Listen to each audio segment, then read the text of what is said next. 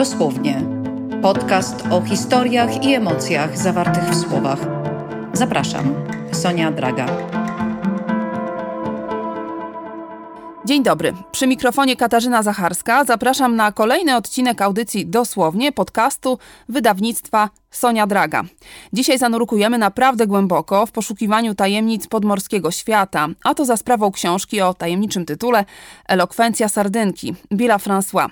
W tych poszukiwaniach towarzyszył będzie mi e, biolog morza, dyrektor Instytutu Oceanologii Polskiej Akademii Nauk, profesor oceanologii, członek wielu wypraw e, badawczych, m.in. na Grenlandię i Spitsbergen, profesor Jan Marcin Węsławski. Dzień dobry.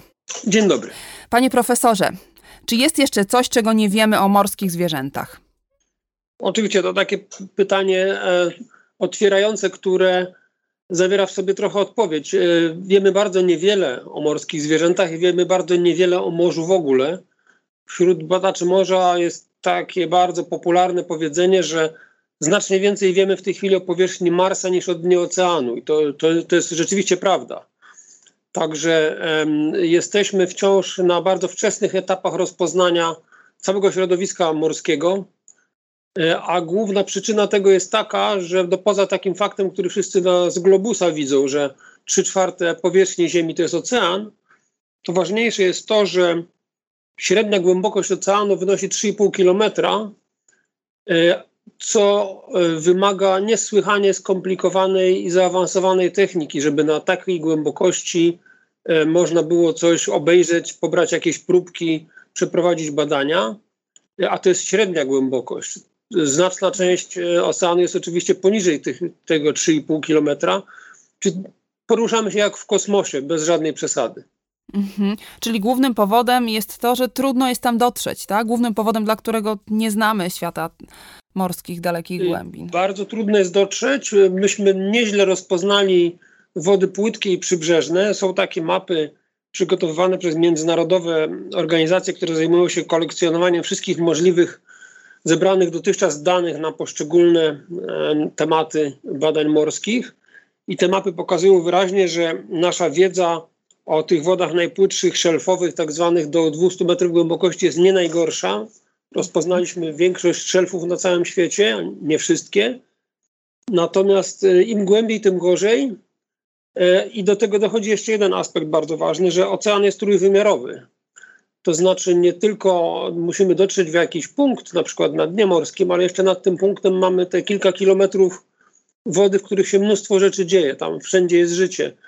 Y, y, patrząc się na to z punktu widzenia takiego człowieka obserwującego przyrodę na powierzchni Ziemi, no to poruszamy się w świecie dwuwymiarowym tak naprawdę. Patrzymy się na prawo, patrzymy się na lewo. Przed nami są jakieś drzewa, jakieś zwierzęta. Natomiast w oceanie musimy się patrzeć jeszcze w górę i na dół, bo i nad nami, pod nami są całe kilometry wody. Mhm. E, książka Billa François, Elokwencja Sardynki, pokazuje, że są e, jeszcze przez nas gatunki nieodkryte, ale to jest to, o czym teraz rozmawiamy. To jest oczywiste e, w, w kontekście tego, co pan mówi. Ale nawet te, które są przez nas odkryte, to całkiem nie, jest wiele rzeczy, których o nich nie wiemy. Ja dowiedziałam się na przykład, że sardynki porozumiewają się bez słów. Poza tym są idealnym zwierciadłem. Czyli bardzo trudno jest odróżnić morze od morza odbitego w ciele sardynki. Tak, te, tego typu przykładów oczywiście jest bardzo dużo. I tutaj znowu e, porównanie z naszymi obserwacjami ze środowiska lądowego. E, badacze morza mają tak naprawdę bardzo młodą historię e, poznania tego środowiska. Nowoczesne badania morskie zaczęły się mniej więcej 150 lat temu, w połowie XIX wieku, od rejsów brytyjskich e, okrętów hydrograficznych, e, a badania lądowe no, mają te kilkaset lat dłuższą tradycję. I do tego oczywiście dochodzi, jeszcze raz podkreślam, ta, ta strona techniczna. Niesłychanie ważne obserwacje które zrobili ornitolodzy, entomolodzy zajmujący się owadami na lądzie, no między innymi polegały na tym, że jakaś pani czy pan e, kładli się z lornetką czy lupą w trawie i godzinę mogli się patrzeć na mrowisko i zaobserwować, e, w jaki sposób mrówki się z sobą porozumiewają, w jaki sposób walczą, przynoszą zdobycz do mrowiska i tak dalej. tego typu obserwacji nie da się przeprowadzić praktycznie w morzu. No, z wyjątkiem tych płytkich wód, o których tutaj mówiliśmy, tych szelfowych, nurkowania na rafach, to też zupełnie nasz zakres możliwych obserwacji jest zupełnie inny niż na lądzie. Naprawdę e, ta, ta techniczna bariera jest główną, e, naszym głównym hamulcem przed lepszym poznaniem środowiska morskiego. Mhm. Tutaj jeszcze, jeszcze dochodzą rzeczy takie dosyć niesamowite właściwie, e, o których tak na co dzień no, nie zdajemy sobie e, sprawy z ich istnienia. Tak myślę, jeżeli ktoś się nie zajmuje e, tak dobrze na co dzień biologią morza jak pan. No przede wszystkim to, że ryby posługują się, porozumiewają się za pomocą koloru i za pomocą zapachu. Przede wszystkim zapach jest, rozumiem, bardzo jakimś takim ważnym elementem komunikacji w tym podwodnym świecie? No, to, to między innymi dlatego, że woda łatwo bardzo przenosi e, cząstki chemiczne, e, łatwiej je później wyłapywać jakimiś narządami specjalnymi, które służą do, do, e, do, do percepcji ty, ty, tych cząstek chemicznych. Dlatego zapach to jest jedna z dobrych metod, natomiast ogromna część organizmów morskich również posługuje się zmysłem polegającym na odbiorze drgań, czy też e, właśnie zmysłem słuchu, jakbyśmy go bardziej precyzyjnie nie nazwali. Może wbrew temu, co nam się wydaje, jest bardzo głośne. To autor książki zresztą o tym pisze, że w morzu tak naprawdę panuje niesłychany harmider e, na tak. bardzo różnych częstotliwościach. Każda grupa organizmów jakby odbiera na, na swoich falach te, te, te dźwięki.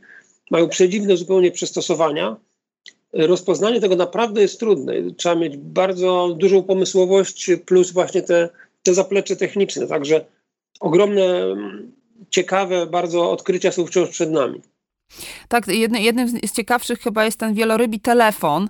Tak sobie myślę, że, że na granicy między ciepłą a zimną wodą dźwięk wpada w pułapkę i właściwie jeśli ruszy ku powierzchni, odbije się od ciepłych wód, e, których podwyższona temperatura przyspieszy jego bieg i zakrzywi e, jego trajektorię ku dołowi. Jeżeli opadnie z kolei, zderzy się z wodami głębinowymi, gdzie panuje wyższe ciśnienie, co również doda mu prędkości i skieruje go tym razem ku górze. I w, tym, w taki sposób powstaje komunikacja między wielorybami, która może przenosić dźwięk o wiele, wiele kilometrów, nawet tysiące kilometrów kilometrów.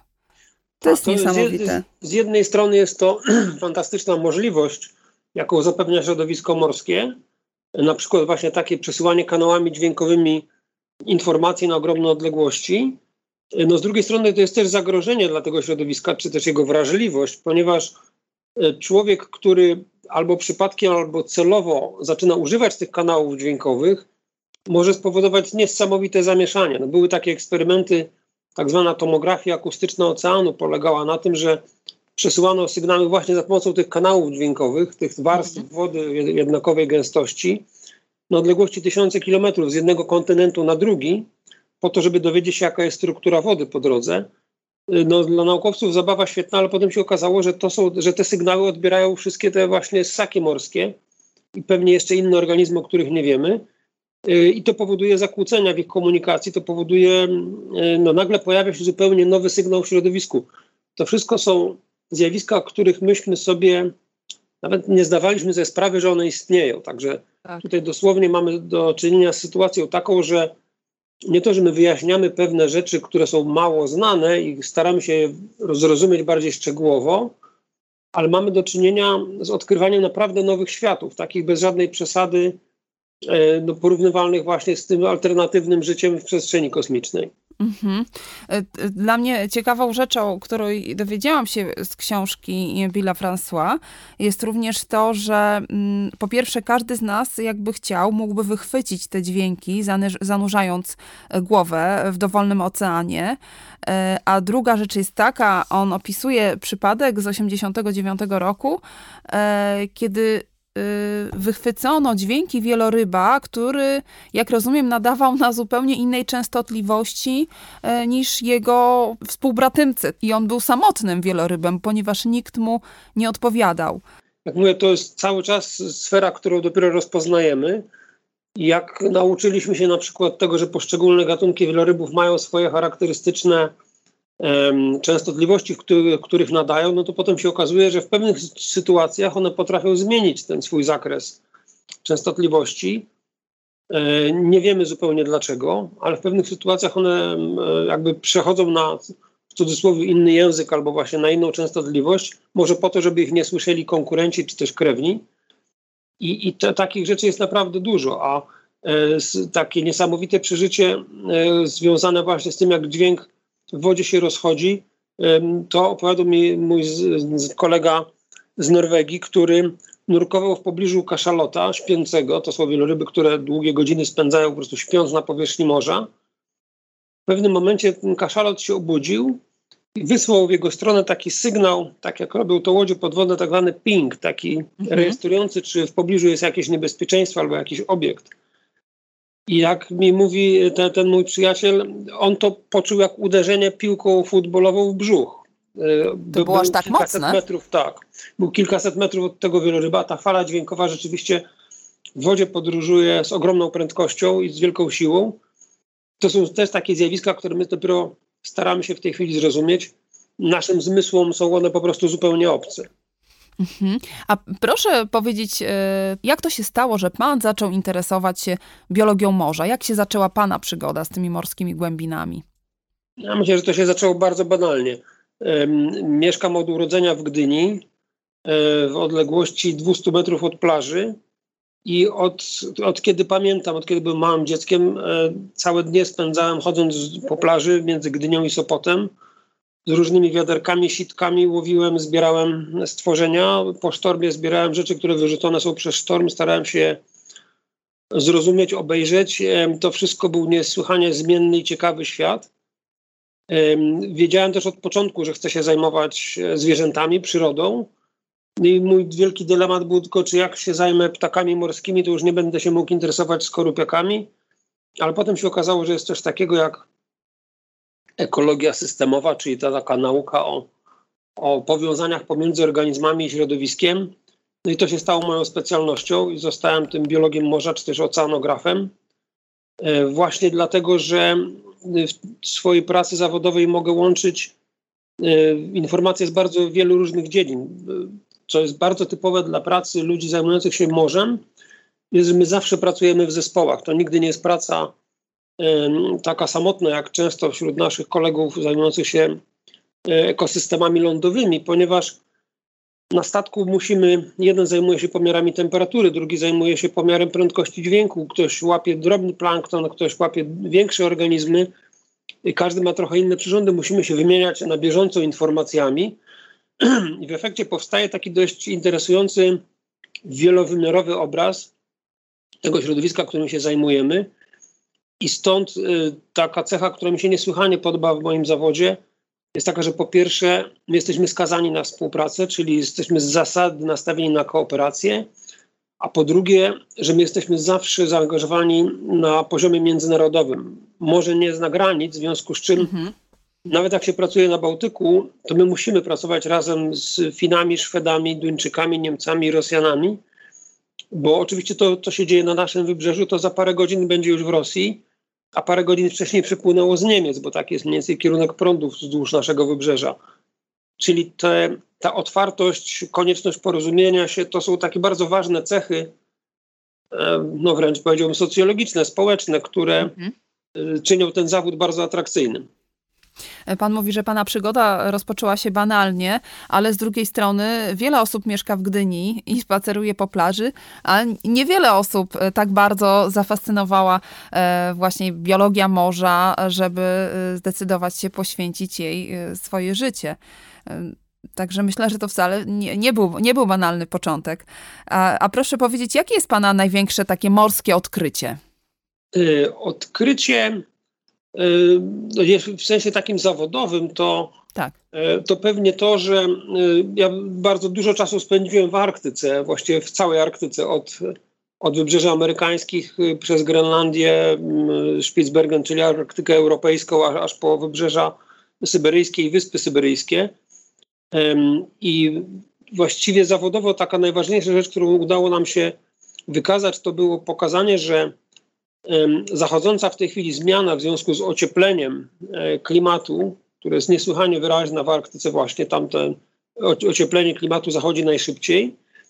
Ona nie ma charakteru jakby katastrofy, czy też e, załamania się tego systemu, tylko następuje coś, co się e, w ekologii określa mianem dojrzewania ekosystemu. Te ekosystemy stają się, one się wzbogacają, gatunki napływające z południa stają się coraz bardziej skomplikowane, ten ekosystem jest bardziej zbilansowany.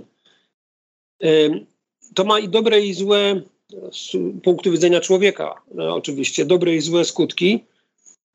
Dobre takie, że ten system jest bardzo produktywny, bardzo staje się coraz bardziej zróżnicowany. W tej chwili w Arktyce, tej ocieplającej się, są fantastyczne czasy dla rybaków. To nigdy w historii tak dużo ryb tam nie łowiono. Te ryby się tam fantastycznie rozwijają. Ta woda jest wciąż chłodna oczywiście. Ona się ogrzała, natomiast jest, jest wciąż relatywnie chłodna. Natomiast jest to słaba wiadomość dla wszystkich wielbicieli wielkiej fauny morskiej, wielorybów, ssaków morskich, ponieważ mają znacznie mniej e, na stole jakby do, do, do zjedzenia, czyli na pewno tych wielkich ssaków będzie mniej na skutek postępującego ocieplenia. To nie znaczy, że wyginą, to nie jest jakaś katastrofa, natomiast ten system się po prostu zmienia. To pewnie byłaby taka zawodowo najważniejsza rzecz. Poza tą naukową e, stroną to, to była cała masa różnych takich emocjonalnych e, przeżyć związanych z badaniami morza, których głównie doświadczyłem w Arktyce, bo tam najwięcej czasu spędziłem ale Bałtyk również jest w znacznie lepszym stanie niż się powszechnej opinii publicznej nam wydaje. Jest bardzo wiele ciekawych rzeczy, które na Bałtyku również można zaobserwować. Czyli jakie to są rzeczy, które pan zaobserwował? Na przykład takie, że Bałtyk jest morzem niesłychanie ubogim i prostym, e, dlatego że jest to morze bardzo młode. To morze powstało zaraz po ustąpieniu lodowca, około 12 tysięcy lat temu, co jak na wiek morskich obszarów to jest pewnie najmłodszy w ogóle na świecie duży zbiornik morski. Bałtyk się w swojej historii krótkiej, tych 12 tysięcy lat, co w historii ewolucji jest oczywiście mgnieniem oka, zdążył się już kilka razy bardzo mocno zmienić. No raz był słonawym jeziorem, potem był pełnosłonym morzem, potem był ciepłym jeziorem słodkim, teraz jest czymś takim pośrednim.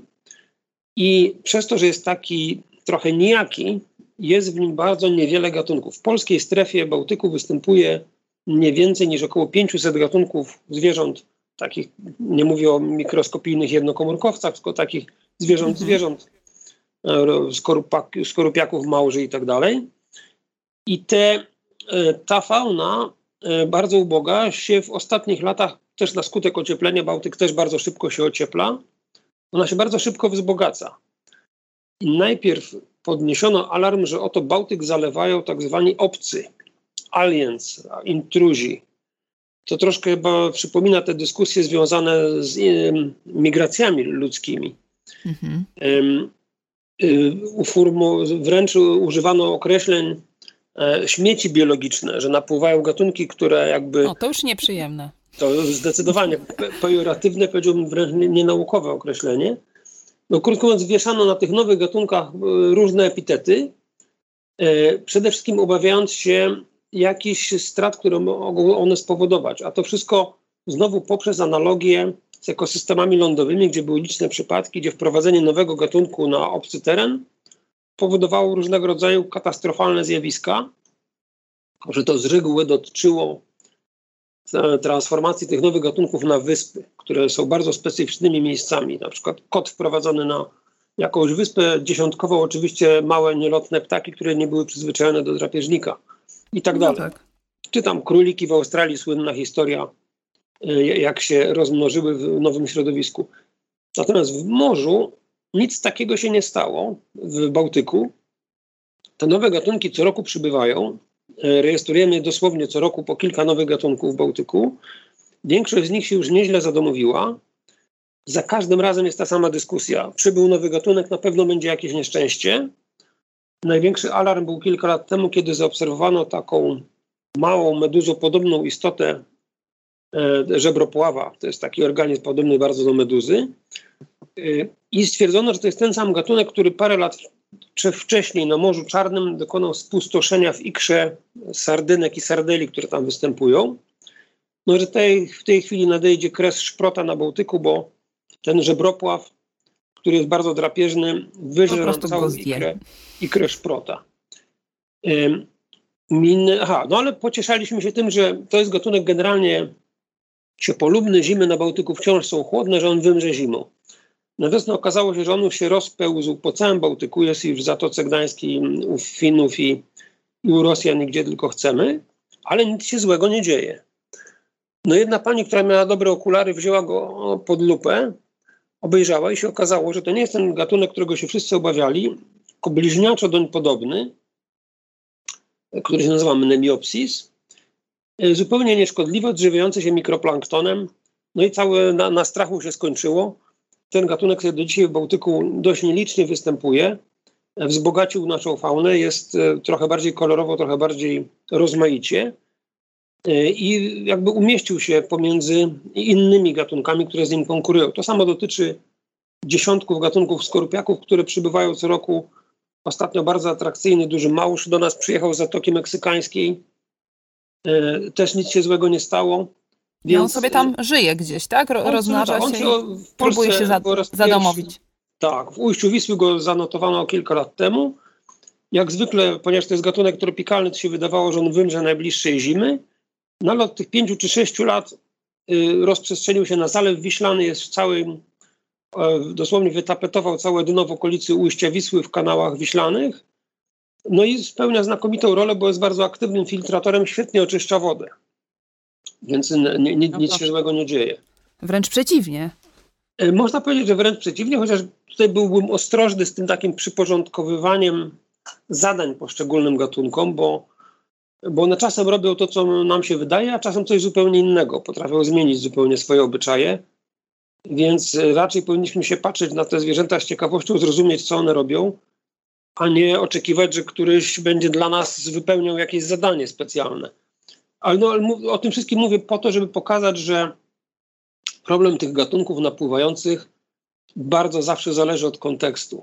Jeżeli takie gatunki napływają w obszar bardzo nasycony już gatunkami, takie jak rafy koralowe, tam rzeczywiście mogło spowodować zanikanie jakichś cennych, tak zwanych charyzmatycznych gatunków, Natomiast w tym niemalże pustym Bałtyku, w tym sensie, że to było mnóstwo różnych miejsc do zagospodarowania, mnóstwo różnych sposobów na życie, które można było wykorzystać, to nie znam w tej chwili przypadku przez ostatnie 100 lat, od kiedy się dość starannie notuje te, te inwazje, żeby któryś z gatunków nowo przybyłych spowodował jakieś poważniejsze kłopoty, zwykle z wyjątkiem pierwszego roku, bo ten pierwszy rok jest takim rokiem pewnej paniki, a potem się to wszystko uspokaja to to jest jedna z tych rzeczy, które można obserwować. Na Bałtyku ona jest fajna, bo ona się dzieje na naszych oczach. To znaczy dosłownie co roku rejestruje się nowe gatunki.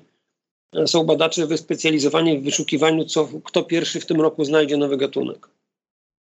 Czyli taki pewien wyścig wśród naukowców trwa. Oczywiście, te, te ambicje są, zawsze są um, żywe i myślę, że są bardzo ważne dla takiego dreszczyka emocji związanego z zawodem.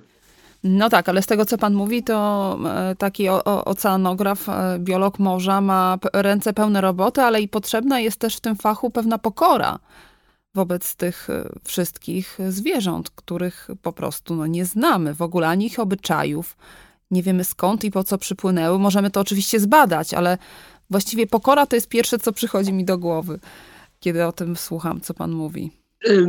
Tak, myślę, że to jest dobre słowo, pokora. A druga rzecz, która myślę jest niesłychanie ważna, szczególnie w dyskusji, która się toczy w Polsce wokół relacji człowiek-przyroda, to jest taka, że myśmy się przyzwyczaili, e, żyjąc oczywiście na lądzie, e, do tak zwanej doktryny ogrodnika. To znaczy, że my możemy urządzić świat tak, jak ogrodnik urządza swój ogródek że wyznaczymy sobie działkę, na tej działce posadzimy kapustę, a na tej kwiaty, będziemy tępić e, szkodniki, a będziemy promować gatunki, które nam pomagają, zapylacze i tak dalej. I ten ogrodnik kontroluje, ogrodnik czy rolnik, bo to jest ta, ta sama sytuacja, kontroluje środowisko. I on oczekuje, że te organizmy, które są na jego terenie, będą jemu służyły. To znaczy, on zje kapustę, z czegoś tam innego zrobi jakieś e, liny czy, czy materiał, a co innego będzie mu służyło jako przyprawa. Natomiast w morzu nie jesteśmy w stanie kontrolować środowiska. W ogóle, kompletnie, nic. Możemy je oczywiście zepsuć, nadwyrężyć, zanieczyścić, natomiast nie jesteśmy w stanie uzyskać tego efektu rolniczego, głównie dlatego, że cały ekosystem morski na całym świecie opiera się na mikroorganizmach, to znaczy na tak zwanej pętli mikrobiologicznej, począwszy od wirusów przez mikrogrzyby, miliony gatunków bakterii i innych jednokomórkowców.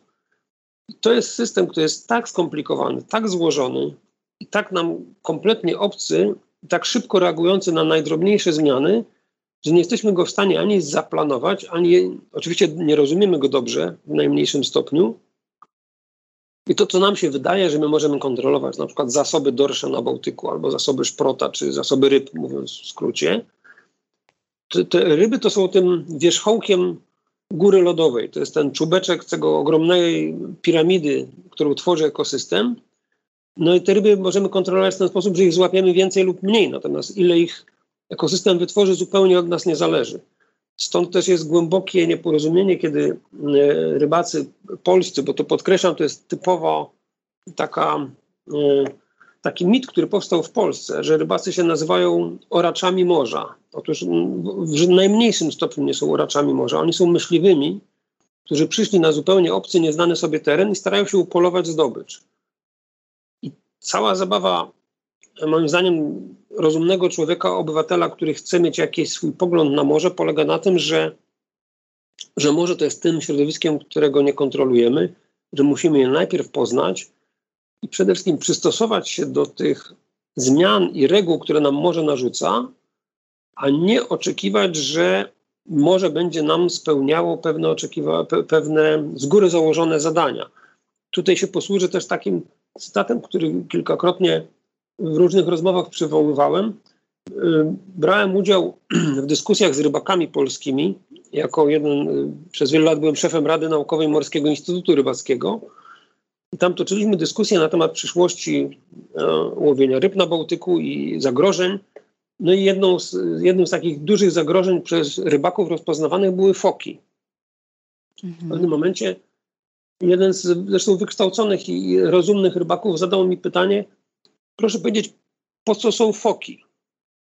W takim rozumieniu, że według rybaka foka jest szkodnikiem. Trzeba ją wyeliminować z systemu, bo każda ryba zjedzona przez fokę to jest ryba, której nie złowi rybak. Co pan odpowiedział temu rybakowi, który zapytał, po co są foki? No ja miałem dwie odpowiedzi. Jedną, którą przełknąłem i nie powiedziałem, bo pierwsza odpowiedź, która mi od razu przyszła do głowy, to proszę spojrzeć w lustro i zadać sobie to samo pytanie.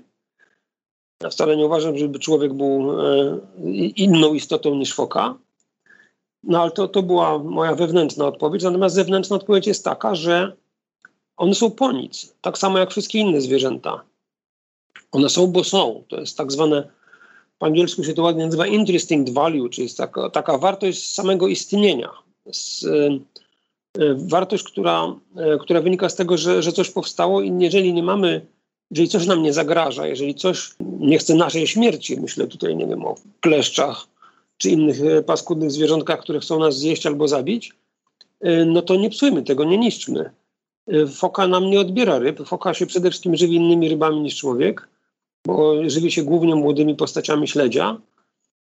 Po drugie, foki zjadają parę procent populacji ryb, a człowiek wyławia 90%.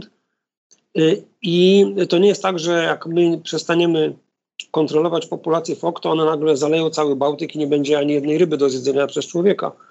System się oczywiście sam reguluje bardzo skutecznie i bardzo szybko. I fok jest tyle, ile ma być. Y, nikt nie wie ile, bo to znowu zależy od roku, zależy od tego, które gatunki ryb się pojawiają, jak ekosystem w danym roku będzie działał, cieplejszy, chłodniejszy i tak dalej. E, więc tutaj, tutaj trzeba się odsunąć, obserwować i brać to, co nam przyroda daje. Mhm. A proszę jeszcze powiedzieć o wyprawach, e, w których brał Pan udział, e, bo brał Pan udział w wielu wyprawach badawczych w rejony zimnych wód, jak rozumiem, ale nie tylko. Która z tych wypraw taka była dla Pana szczególna? No ja miałem naprawdę szczęście. No, mam w tej chwili ponad 60 lat a zacząłem zawodową działalność na, na morzu 40 lat temu, jeszcze jak byłem studentem, e, że właściwie udało mi się zobaczyć parę miejsc e, takich, gdzie było bardzo, bardzo niewiele osób. No, no nie to, że pierwszy postawiłem nogę w jakimś miejscu, ale W kilku miejscach byłem pewnie w pierwszej setce ludzi, którzy tam nogę postawili. Y, I w kilku miejscach, co, co, co też było, było dla mnie, dla moich kolegów ważne, po raz pierwszy myśmy tam wywiesili flagę polską. Tak było na północno-wschodniej Grenlandii, czy na ziemi Franciszka Józefa, y, w takim bardzo na północ położonym archipelagu arktycznym.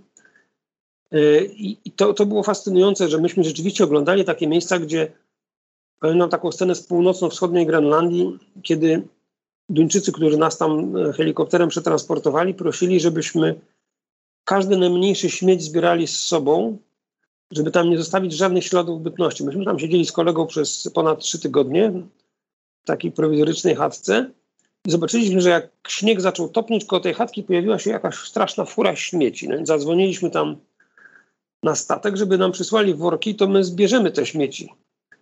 Na co dostaliśmy natychmiast paniczną odpowiedź: broń Boże, nie ruszajcie tych śmieci, bo to są pozostałości po ekspedycji Lauge Kocha z 1912 roku. To jest pomnik historyczny. To była poprzednia wizyta ludzi w tym miejscu. Więc ta y, dzikość tego krajobrazu, to oddalenie od innych ludzi. W pewnym momencie na tej północno-wschodniej Grenlandii byłem na najbardziej izolowanym miejscu, jakim się zdarzyło być. Najbliższy człowiek y, poza moim kolegą był w odległości prawie tysiąca kilometrów od nas. Więc to są rzeczywiście, e, ta, ta skala zjawisk jest fantastyczna, e, ta nienaruszona przyroda w Arktyce jest fantastyczna. To są zjawiska, których bardzo trudno dostarczyć, e, doznać w Europie, która jest oczywiście zatłoczona. Na takich mapach, które są od paru lat publikowane, gdzie pokazuje się infrastrukturę drogową albo liniową, czyli linie kolejowe, druty telegraficzne, kable itd., tak można zobaczyć, że w Europie nie ma właściwie miejsc, gdzie człowiek mógłby stanąć i w odległości mniejszej niż, większej niż, niż kilka kilometrów nie, nie będzie koło niego jakiejś instalacji ludzkiej. Natomiast tam na dalekiej północy wciąż są takie miejsca, gdzie to są setki kilometrów zupełnie nienaruszonego dzikiego krajobrazu. I to jest ogromne, ogromnie ważne doznanie i wielkie wrażenie. No i, i, oczywiście te wszystkie zagadki przyrodnicze, które są w tym wszystkim. Więc taka praca, myślę, że to, to nie chciałbym tego zawyżać, że akurat praca naukowca, ale w ogóle takie, no, powiedziałbym wręcz obywatelskie zainteresowanie przyrodą wokół nas, no, to jest coś, co bardzo warto propagować, bo wtedy człowiek się trochę inaczej patrzy na, na świat wokół nas. To jest tak trochę jak no, fantastyczny film przyrodniczy się rozwija. Trzeba troszkę wiedzieć, żeby wiedzieć, w co się patrzeć, żeby wiedzieć, jak to obserwować, ale potem się okazuje, że, że wokół nas jest niesłychanie ciekawy świat. Czasem nie trzeba bardzo daleko podróżować, oczywiście, ale to są takie, takie wrażenia, które zarówno nas trochę uczą pokory do otaczającego świata. E, w przypadku morza to ten świat jest w ogromnym stopniu nieznany. E, I one też, myślę, te poprawiają relacje między ludźmi w dużym stopniu, bo no też w jakimś kontekście umieszczamy te, te, te, te relacje człowiek-przyroda i relacje międzyludzkie. Także to się, to się wszystko przydaje, dlatego bardzo gorąco propaguję taką właśnie obywatelską wiedzę przyrodniczą. Nie trzeba być naukowcem, ale trzeba się z ciekawością rozglądać wokół siebie. E, a dla tych Państwa, którzy chcieliby e, przynajmniej zacząć rozglądać się z ciekawością wokół siebie, e, mogą Państwo zacząć od książki Billa François Elokwencja Sardynki, niewiarygodne historie z podwodnego świata. Kilka na pewno Państwo tam znajdą. Bardzo Panu dziękuję za rozmowę. Myślę, że zachęciliśmy e, Państwa przynajmniej do lektury książki, e, a może i kogoś nawet do jakichś dalszych wypraw e, w głębie morza albo oceanów. E, państwa i moim gościem był dzisiaj profesor Jan Marcin Węsławski, biolog morza i dyrektor Instytutu Oceanologii Polskiej Akademii Nauk. Bardzo panu dziękuję za rozmowę. To była audycja dosłownie podcast wydawnictwa Sonia Draga. Do usłyszenia. Dosłownie. Podcast o historiach i emocjach zawartych w słowach. Zapraszam, Sonia Draga.